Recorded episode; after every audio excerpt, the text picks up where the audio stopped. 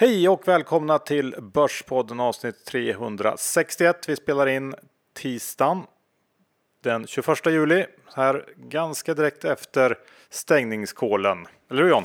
Jajamän, jag befinner mig på kontoret och du befinner dig i Marbella. Så att det är ungefär som vanligt förra veckan. Status quo. Ja, så är det. Vi ska börja med vår huvudsponsor som såklart är CMC Markets. De har ju ett fantastiskt tradingutbud och eh, som vanligt i sommartider så vill vi slå ett extra slag för deras prisbelönta app. Ladda ner den om ni inte har gjort det än. Den är grym. Ja, men verkligen. Och där kan du handla alla de här aktierna som rör sig 10% upp och ner. Man kan blanka dem, man kan köpa dem, man kan trada valutor, du kan trada råvaror. Det är helt otroligt hur man kommer åt hela världen från en eh, liten app. Ja, verkligen. Och eh, vi vill också passa på att slå ett extra slag för deras ETF-handel som har marknadens bästa villkor. Man kan handla alla amerikanska ETFer utan innehavskostnad. Det är 9 dollar i fast courtage oavsett, oavsett storlek och fem gånger hävstång. Nej, det är inget att tveka på, men kom ihåg, det finns alltid risker med CFD-handel. John, vad snackar vi om idag? Det blir såklart massor av rapporter för vi har haft en rapporttung vecka bakom oss. Ja, det kommer också bli lite snack om de här stöden som har översvämmat börsbolagen och en liten lurig grej i balansräkningen som jag har tittat på. Kul! Eh, vi kör igång direkt. Johan Dr. Bass Isaksson Index är i 17,75 nu på stängningen och eh, lite tapp idag, men i övrigt en fruktansvärt eh, stark eh, börs. Ja, verkligen. Och förra veckan var ju den här riktigt stora rapportveckan, antagligen den vecka på hela året som som det släpps flest rapporter på och vi kan väl egentligen redan nu summera och sammanfatta rapportperioden tycker jag med att det generellt sett varit rapporter som kommit in bättre än väntat men att mycket av det som varit bättre än väntat är drivet av bidrag och stöd. Det vill säga ingenting som i alla fall jag tycker att börsen bör köra upp aktiekurserna på. Men det har den eh, gjort i de allra flesta fall ändå. Och här då runt 1800 eller strax under på OMX så känns det ändå som att förhållandet mellan risk och reward inte är särskilt fördelaktigt och eh, det som möjligtvis finns kvar i potential på uppsidan nu det tycker jag känns som ren, eh, ren panikuppsida i så fall. Det är svårt att hitta jättemycket billiga aktier längre. Ja, vi var väl i och för sig på 1900 här när eh, den förra toppen kom, men det känns ändå som att läget är brutalt mycket mer osäkert nu och vinsterna lär väl i många fall bli betydligt lägre i för många bolag under de kommande kvartalen. Ja, men jag håller med. Men, men vi, vi kanske ska gå in på det här med stödpengar Eh, Eh, vi har ju pratat om det här tidigare, men eh, och om, om orimligheten i att få stöd när man gör stora vinster och det är väl fler och fler röster som börjar höjas kring det här fenomenet och eh, personligen så tycker jag ju att driva bolag är förenat med att ta risk för att om det går bra kunna tjäna pengar. Sen så kan saker gå snett och oväntade händelser utanför ens kontroll kan ju helt plötsligt, plötsligt dyka upp. Men det är ju också en del av hela grejen tycker jag. Och eh, jag vet inte, det här börjar kännas väldigt olustigt tycker jag med alla bolag som eh, boostar vinsten helt enkelt med stödpengar. Ja, men jag tycker hundraprocentigt rätt där. Det känns grisigt eh, rent av. Eh, ett problem skulle jag säga med världen och i Sverige är ju att vänstern är ju för ointresserad och för okunnig om ekonomi för att det ska kunna bli någon bra debatt om det här. Och därför blir det ingen diskussion om de stora sakerna.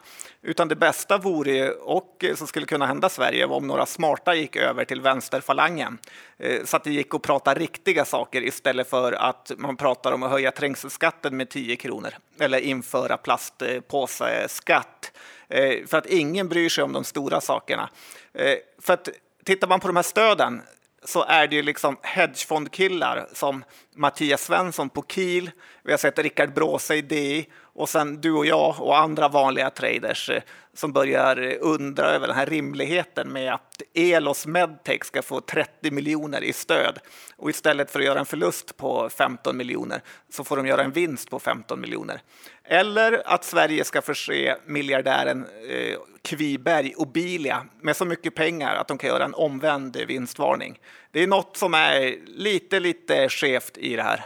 Ja, jag, jag reagerar på Dometic som fick 174 miljoner i olika stöd och bidrag under Q2 och gjorde ett justerat resultat på 361 miljoner. Så det var ju ungefär halva vinsten som staten stod för, eh, vilket såklart är totalt orimligt. Och det är ju eh, i min bok pengar som Dometic borde lämna tillbaks eh, ändå kan jag tycka.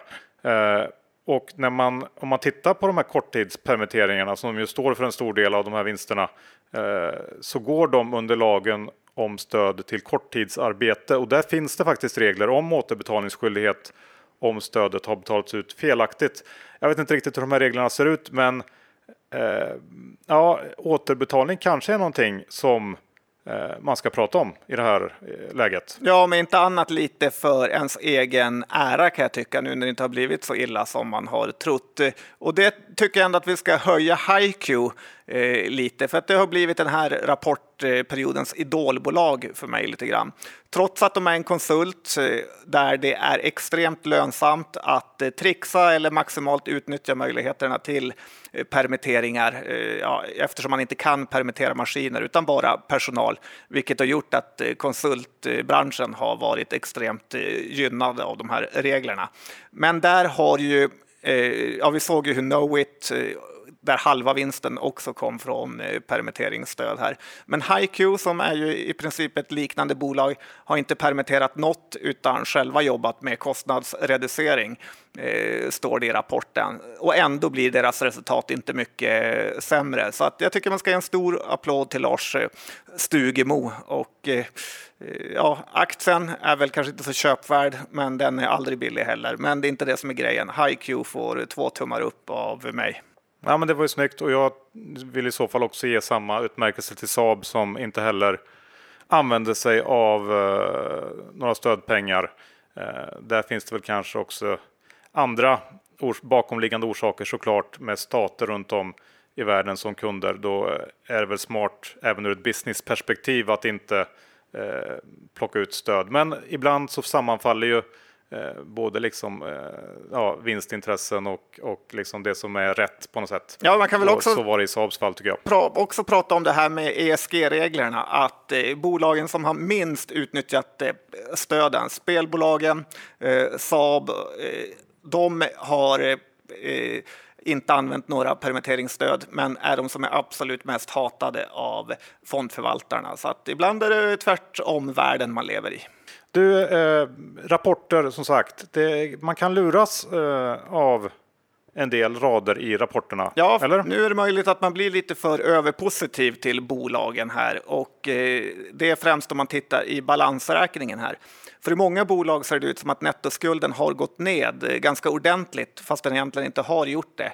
Och det har att göra med att bolagen fått den här möjligheten med att skjuta upp eh, skatter och andra avgifter så har ju de pengarna då landat i kassan och eh, när bolagen eh, i rapporterna då beräknar nettoskulden så gör de som man ska göra, att det är långfristiga skulder minus eh, kassan så får man då alldeles för positiv bild av nettoskulden då de här uppskjutna skatterna och andra avgifter hamnar i kortfristiga skulder och då inte räknas med i nettoskulden. Så att det kan vara värt att tänka på om man ser en så här jättestor eh, sänkning av eh, skulden så att man inte blir för positiv. Jag såg det bland annat i Bravida, men har väl sett det i nästan alla bolag. Så är det, bra poäng. Och när vi ändå är inne på eh, redovisningsavdelningarna så eh, har ju de ändå visat att de, att de kan om de vill. Ja, men det är helt otroligt hur många av de här bolagen som ska rapportera långt, långt in i augusti, typ New Wave, ändå kan eh, komma och klämma fram eh, rapporterna nu i princip här. Och med alla de här hjälpmedlen, alla Fortnox och nästan live, där man kan följa försäljningen live nästan. Att det ska ta då nästan fem månader från att man får veta försäljningen. Och då tänker jag på till exempel att man i augusti får veta hur det går i början av april, som det blir då om man rapporterar Q2 i, eh, eh, väldigt sent. Och eh, Sen en grej jag inte heller tycker man ska glömma bort är det här att det känns som att bolagen som rapporterar tidigare får bättre betalt av eh, börsen med. Är sentimentet bra så vågar man inte köpa de här bolagen som inte har rapporterat utan man väntar på rapporten.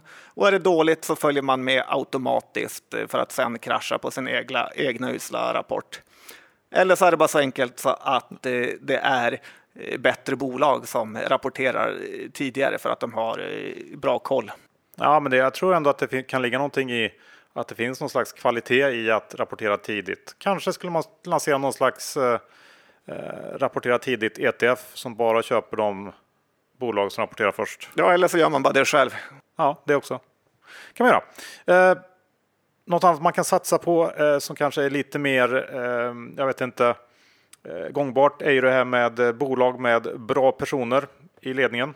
Ja, och så här, alltid om man ska köpa aktier så sikta på att hitta bra personer. Kolla Swedbank här, sen de rekryterar Göran Persson. Han har jobbat i det tysta, rörde inte en min när han fick den största boten i Sveriges historia på 4 miljarder, gnällde inte, försökte inte utnyttja sina kontakter för att överklaga och sänka, utan han tog OCR-numret, knappade in det och så skickade han iväg 4 miljarder. Och aktiemarknaden älskar ju sånt här. Han tittar i framspegeln och inte i backspegeln. Eh, SEB skulle bråka och gnällde som ett barn trots att deras bot bara, bara var på en miljard. Eh, och sen tittar man mer på Swedbank så var ju deras senaste rapport riktigt bra. Och eftersom bankverksamhet är en förtroendebransch eh, så tror jag nog att eh, Swedbank och Göran Persson fortfarande är något att satsa på. Börspodden är denna vecka sponsrade av grillkol.se och eh, på grillkol.se kan du prenumerera på kvalitetskol direkt hem till din dörr John. Ja, det är fantastiskt att få en sån här laddning hem som räcker typ hela sommaren. Eh, kanske inte för mig som grillar mycket, men eh, det är ju väldigt bra kol och jag tycker man ska eh, satsa på ett eh, sånt här paket. Och använder man Börspodden-koden så får man dessutom lite extra lullull, eller hur Johan? Ja, använder man koden Börspodden i kassan så får man bland annat deras nya produkt majskål och deras välsmakande barbecue-sås eh, med kärlakrits på köpet. Och Eh, det kan ju också vara ett eh, hett tips eh, för föreningar och klasser som vill dryga ut kassan så här i coronatider att grillkol.se är en etablerad spelare när det gäller förenings och klassförsäljning. Ja, så gå in på grillkol.se och se om det är något för dig. John, eh, då ska vi börja med lite rapporter. Jag tänker att vi kan ta en eh, vinnarsektor som ju är liksom underleverantörer till bygg får man säga. Vi har haft en hel radda rapporter eh, i den sektorn som alla varit riktigt bra. Byggmax är väl en av de mer väntade och självklara vinnarna. Ehm, det andra kvartalet var mycket bättre än väntat. Tillväxt på runt 40 procent, vilket drev bruttomarginal Eh, och det gjorde tillsammans med att eh, de operativa kostnaderna var oförändrade att det blev en enorm rörelsemarginalförbättring för Byggmax och den här aktien eh, var ju under inledningen av coronakrisen på något sätt en av förlorarna. Jag höll för mig för att de har ganska stor skuldsättning så såldes den på ganska mycket. Men den har gått från 20 till ungefär 60 spänn sedan dess och eh, allt ser ju fantastiskt ut för Byggmax egentligen. Q3 kan säkert också bli bra, eh, men det som man egentligen ska fundera på när det gäller Byggmax är väl hur kommande år blir. Eh, och jag vet inte, jag lutar väl ändå åt att man ska se 2020 som någon slags undantagsår för Byggmax och inte fästa så stor vikt vid det när man värderar den här aktien. Och eh, efter den här resan så skulle jag definitivt kliva av om jag ägde, ägde aktien faktiskt. Ja, men jag har väl tre grejer här. Eh, det första är lite synd om dig som skrev en säljrek här rakt in i monsterhåsen och får väl börja 30-40 procent eh, back från den nivån. Eh, nummer två är ju att eh, jag tror ju som du att lite får man se det här året som EU-år för att eh, eh, du kommer bara behöva bygga altan en gång. Du behöver inte bygga den varje år, utan det blir lite eh, hamstringseffekt eh, faktiskt. Eh, så att, och slutligen så undrar man ju hur personalen känner som har fått jobba ihjäl sig, för det känns inte som att Byggmax har anställt mer, utan det har mer varit nästan kaos. Eh, på deras eh, butiker. Kanske en fjärde grej också Johan, och, ja, och... det är ju faktiskt att det här Skånska Byggvaror fortfarande verkligen suger får man säga.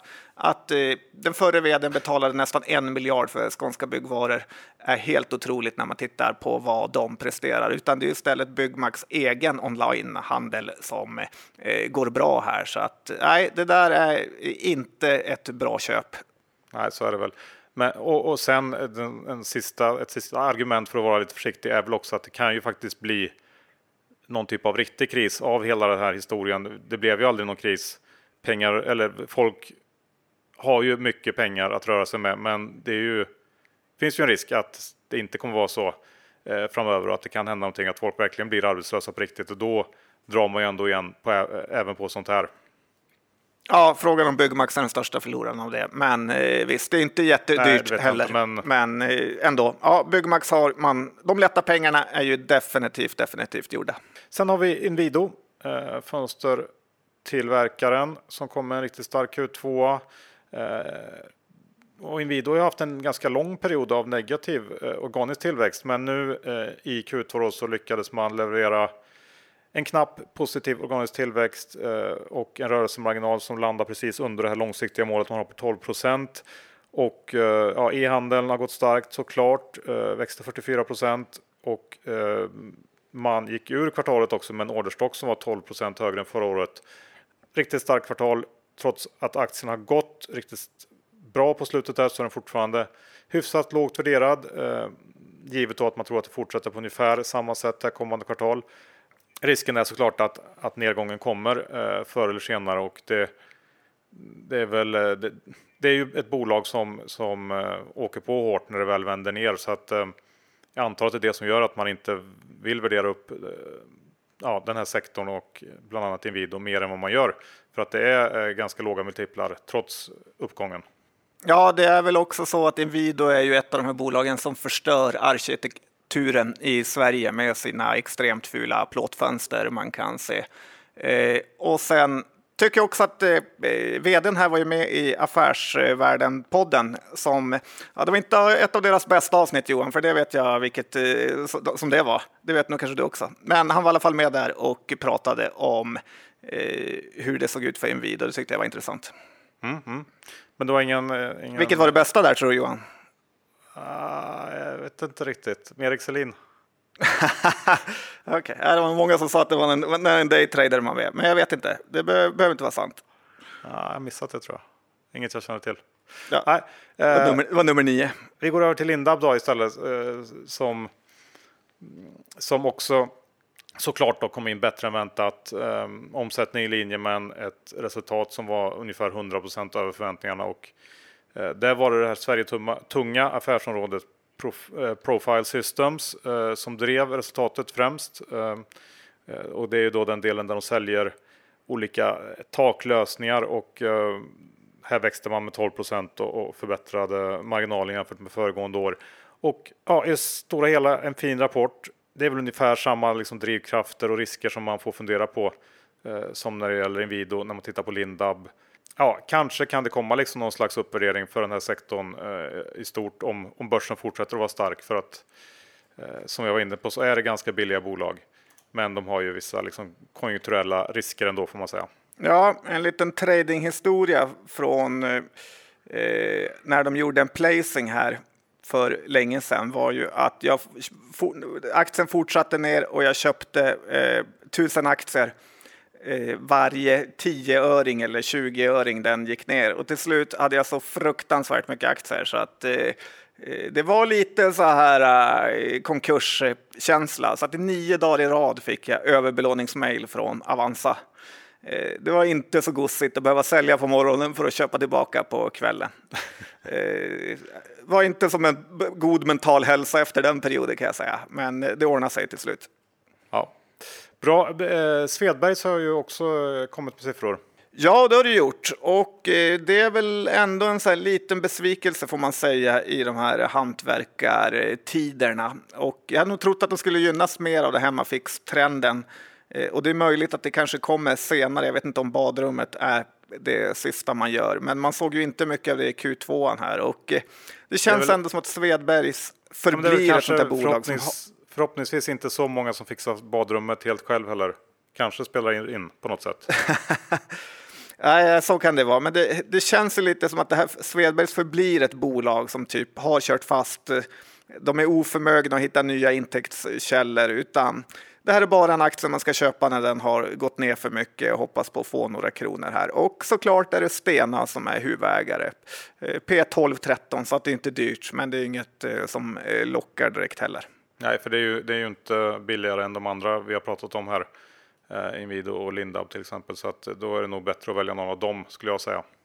Ja, faktiskt. Mm. Du, data. Du är en datakille. Det vill du prata om nu? Ja, men jag tror man ska satsa på data Johan. Vad tror du om det? Så, känns som nytänkande, jag vet inte. Nej, men det okända bolaget Waystream här, jag tror vi aldrig någonsin nämnt det under eh, sju år här, Eh, som gör olika saker till fiber och bredband och allt vad det är.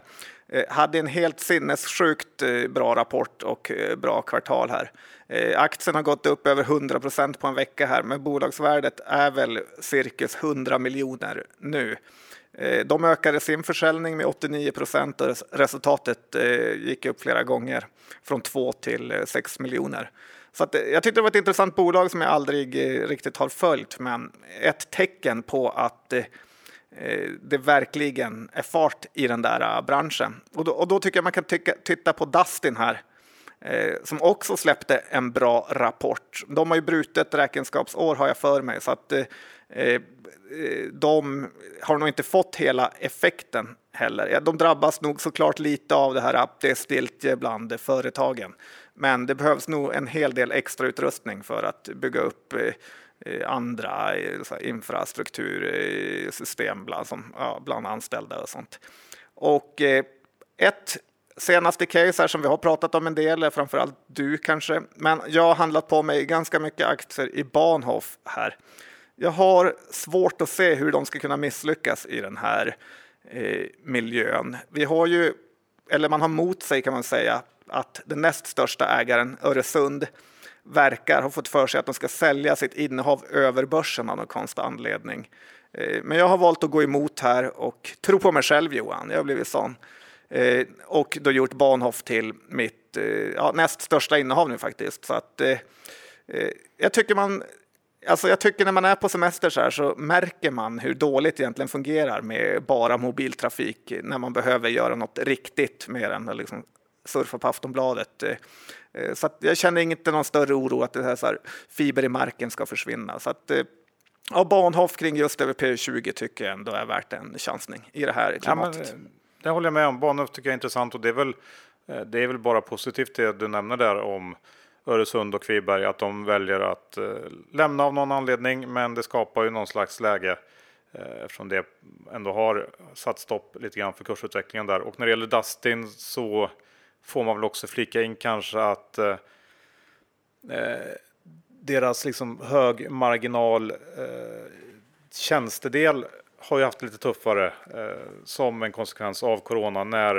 eh, ja, folk inte vill ha in liksom, Eh, hantverkare och liknande på kontoret och, och, folk är mindre på kontoret. Så den, den delen måste nog komma igång lite mer för att få igång marginalerna i Dustin som, som man väntar lite på. Som, de har ju haft en liten tråkig trend eh, sista kvartalen med sjunkande lönsamhet så att eh, där skulle jag nog vilja se för bara den här hårdvaruförsäljningen, den, det är inte så mycket värde i den eh, egentligen. Du menar att Klas eh, Fixare har tagit hand om alla hemma privatinstallationer eller?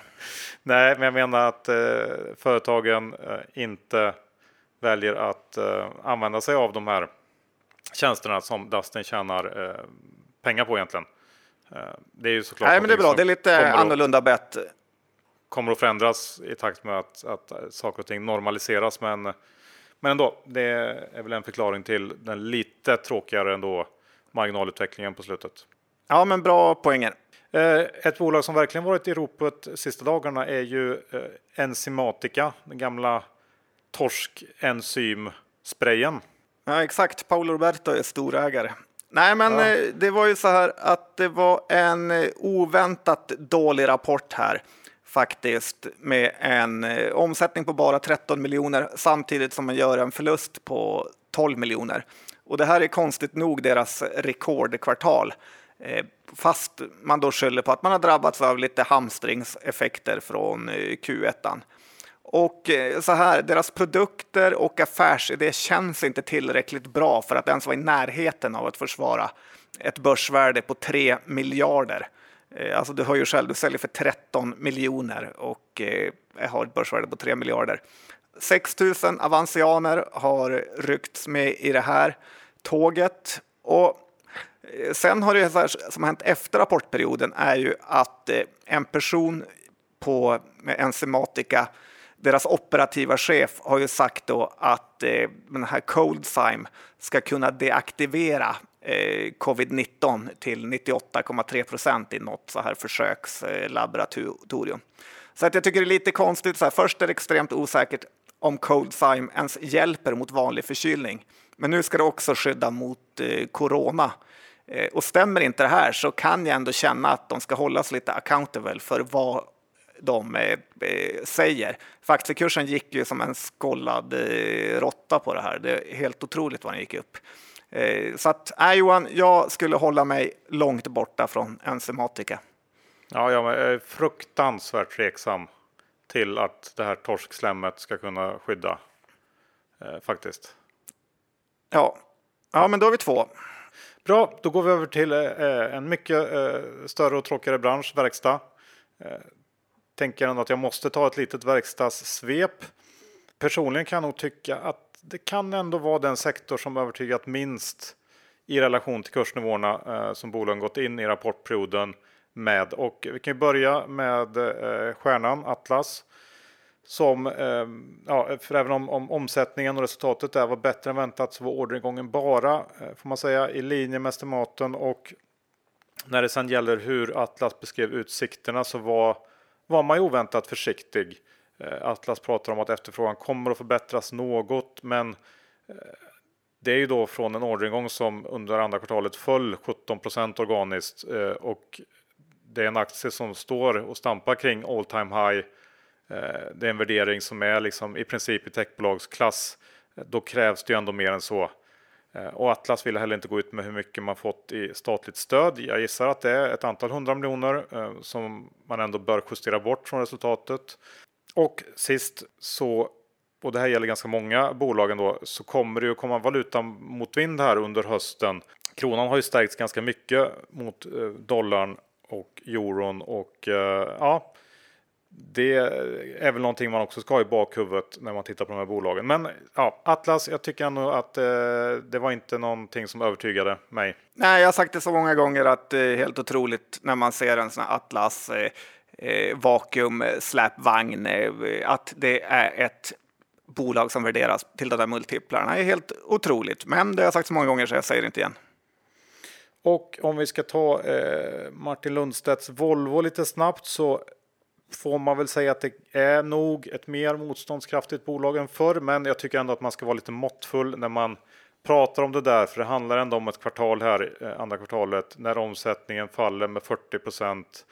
Eh, samtidigt som resultatet sjunker till i princip noll mot förra årets då 15 miljarder. Så att så jäkla motståndskraftiga är de ju ändå inte. Och eh, så kan man säga att de tar omstruktureringskostnader på 3,2 miljarder så justerat för dem så, så landade resultatet på drygt 3 miljarder. Men då tycker inte Volvo att man ska, justera för de här 1,7 miljarderna som Volvo faktiskt fått i statliga stöd och det är väl rekord antar jag bland börsbolagen eh, och det måste man ju såklart justera för. Men även justerat för de här stödpengarna så var det bättre än väntat och, och um, man pratar om en stark utveckling i juni på lastbilssidan och att man är ganska konfident in i Q3. Jag vet inte, jag har ändå svårt att hitta någon uppsida i den här aktien, men, men det var väl ändå ett okej okay kvartal från Volvo får man säga. Nej, men det är imponerande hur Lundberg-gänget med industrivärden kan lyckas eh, bli en av de som roffar åt sig mest på den här eh, krisen. Så att, nej, bara eh, titta på bredvid och häpna. Eh, sen har vi också Sandvik om vi ska ta en sista eh, jätte Även Sandvik rapporterar bättre än väntat när det gäller eh, resultat. men orderingång och omsättning missar. Och eh, det är ju, sms är väl den del som drabbades hårdast eh, och här kommer man också in under förväntan. Även om Sandvik säger att det skett en viss eh, återhämtning i juni och början på juli, eh, framförallt i Europa och inom bilindustrin. Eh, SMT upplevde också ett liknande tapp som SMS, eh, ner drygt 30 i orderingång. Eh, medan den här gruvdelen som man pratat om ska eh, gått bättre, Mining och Rock, också varit eh, mer stabil. Där minskar orderingången med hanterbara 10% så att det var väl okej. Okay. Och här kom också resultatet in bättre än väntat. Sandvik plockade ut 310 miljoner i statligt stöd och det var väl också ungefär vad man slog estimaten med på rörelseresultatnivå så att ehm, jag tycker att det är rimligt att aktien tappar på den här rapporten eh, som i det stora hela måste varit liksom sämre än, än whispering som man säger. Ja, nej, de eh, åkte rättvist på. Ja. Sen eh, måste jag också ta upp Saab som faktiskt kom med en riktigt stark Q2. Det är väl ingenting som man är bortskämd med som aktieägare i Saab, men den var bättre än väntat över hela linjen egentligen. Starkt resultat, stark orderingång och starkt kassaflöde, eh, även då man justerar för lite engångsposter i form av uppskjutna arbetsgivaravgifter som, som Saab har använt sig av. Men det är någonting som man ska betala tillbaka lite senare.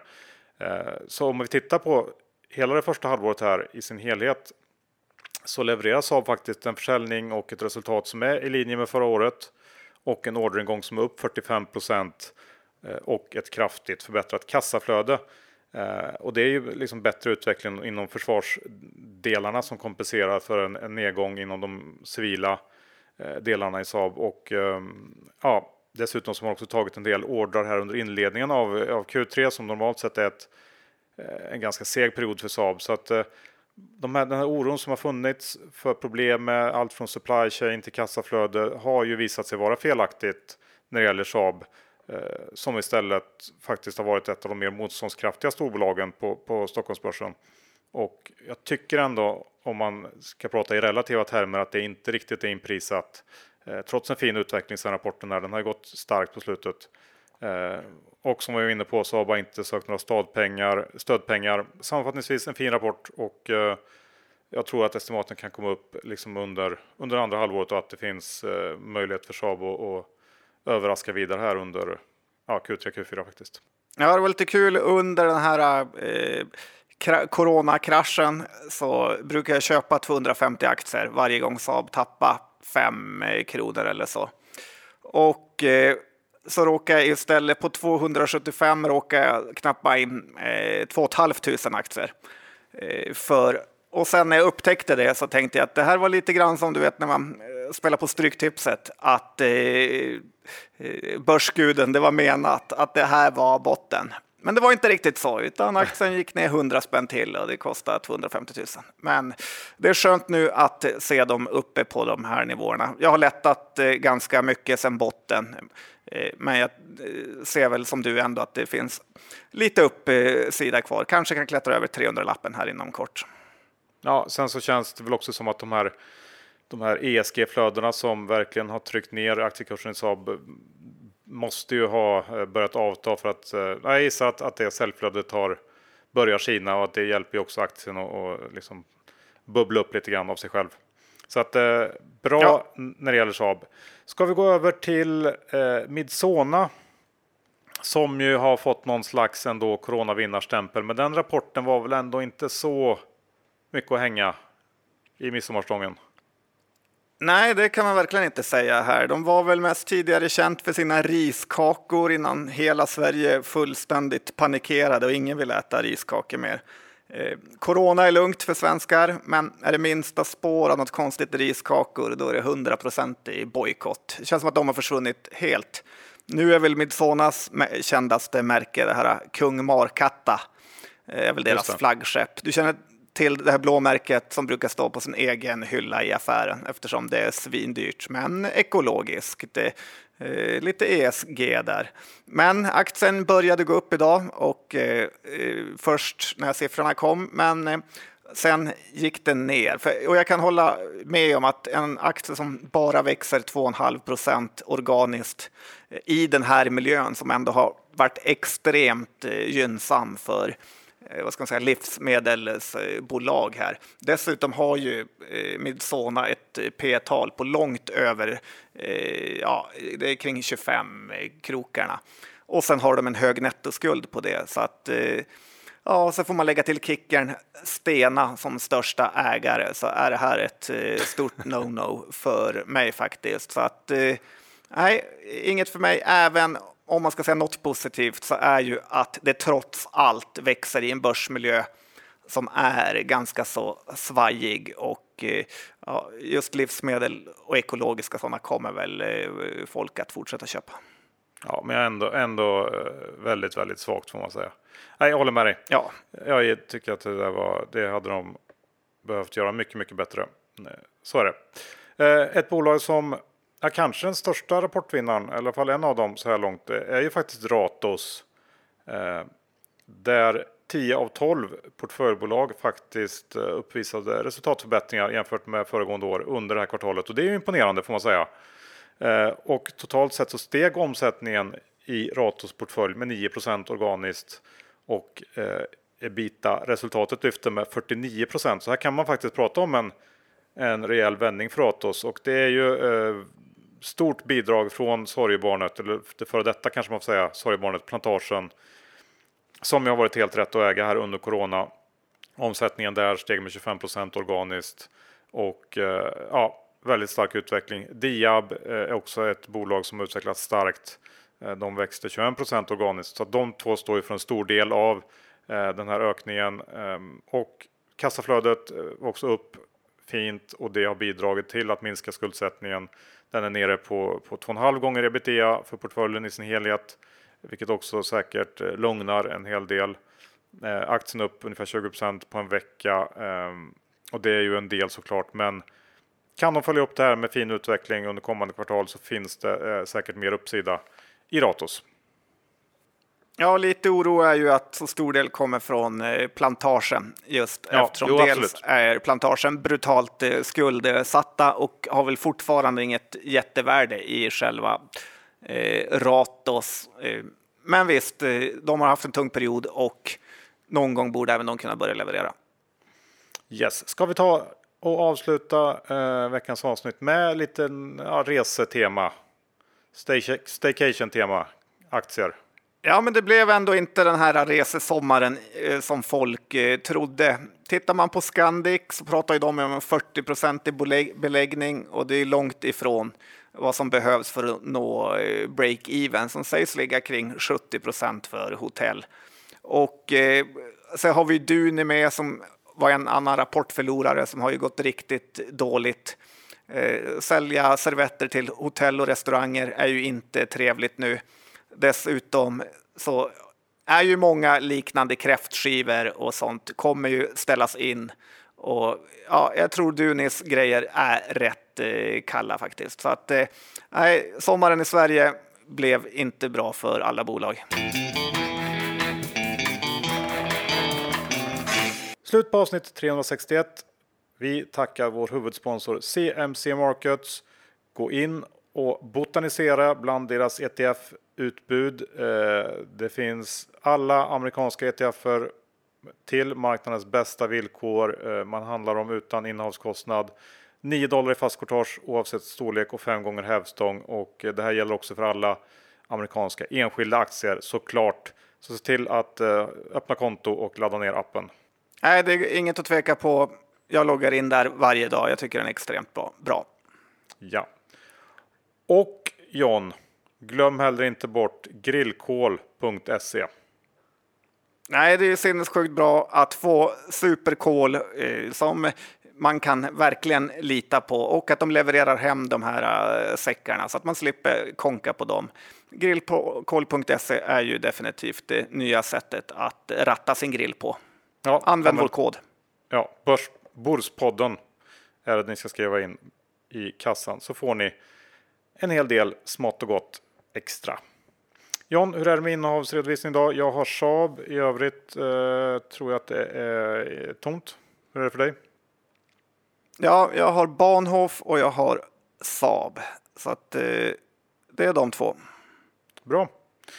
Då tackar vi för oss. Hörs om en vecka igen. Ha det bra. Det gör vi. Hej då!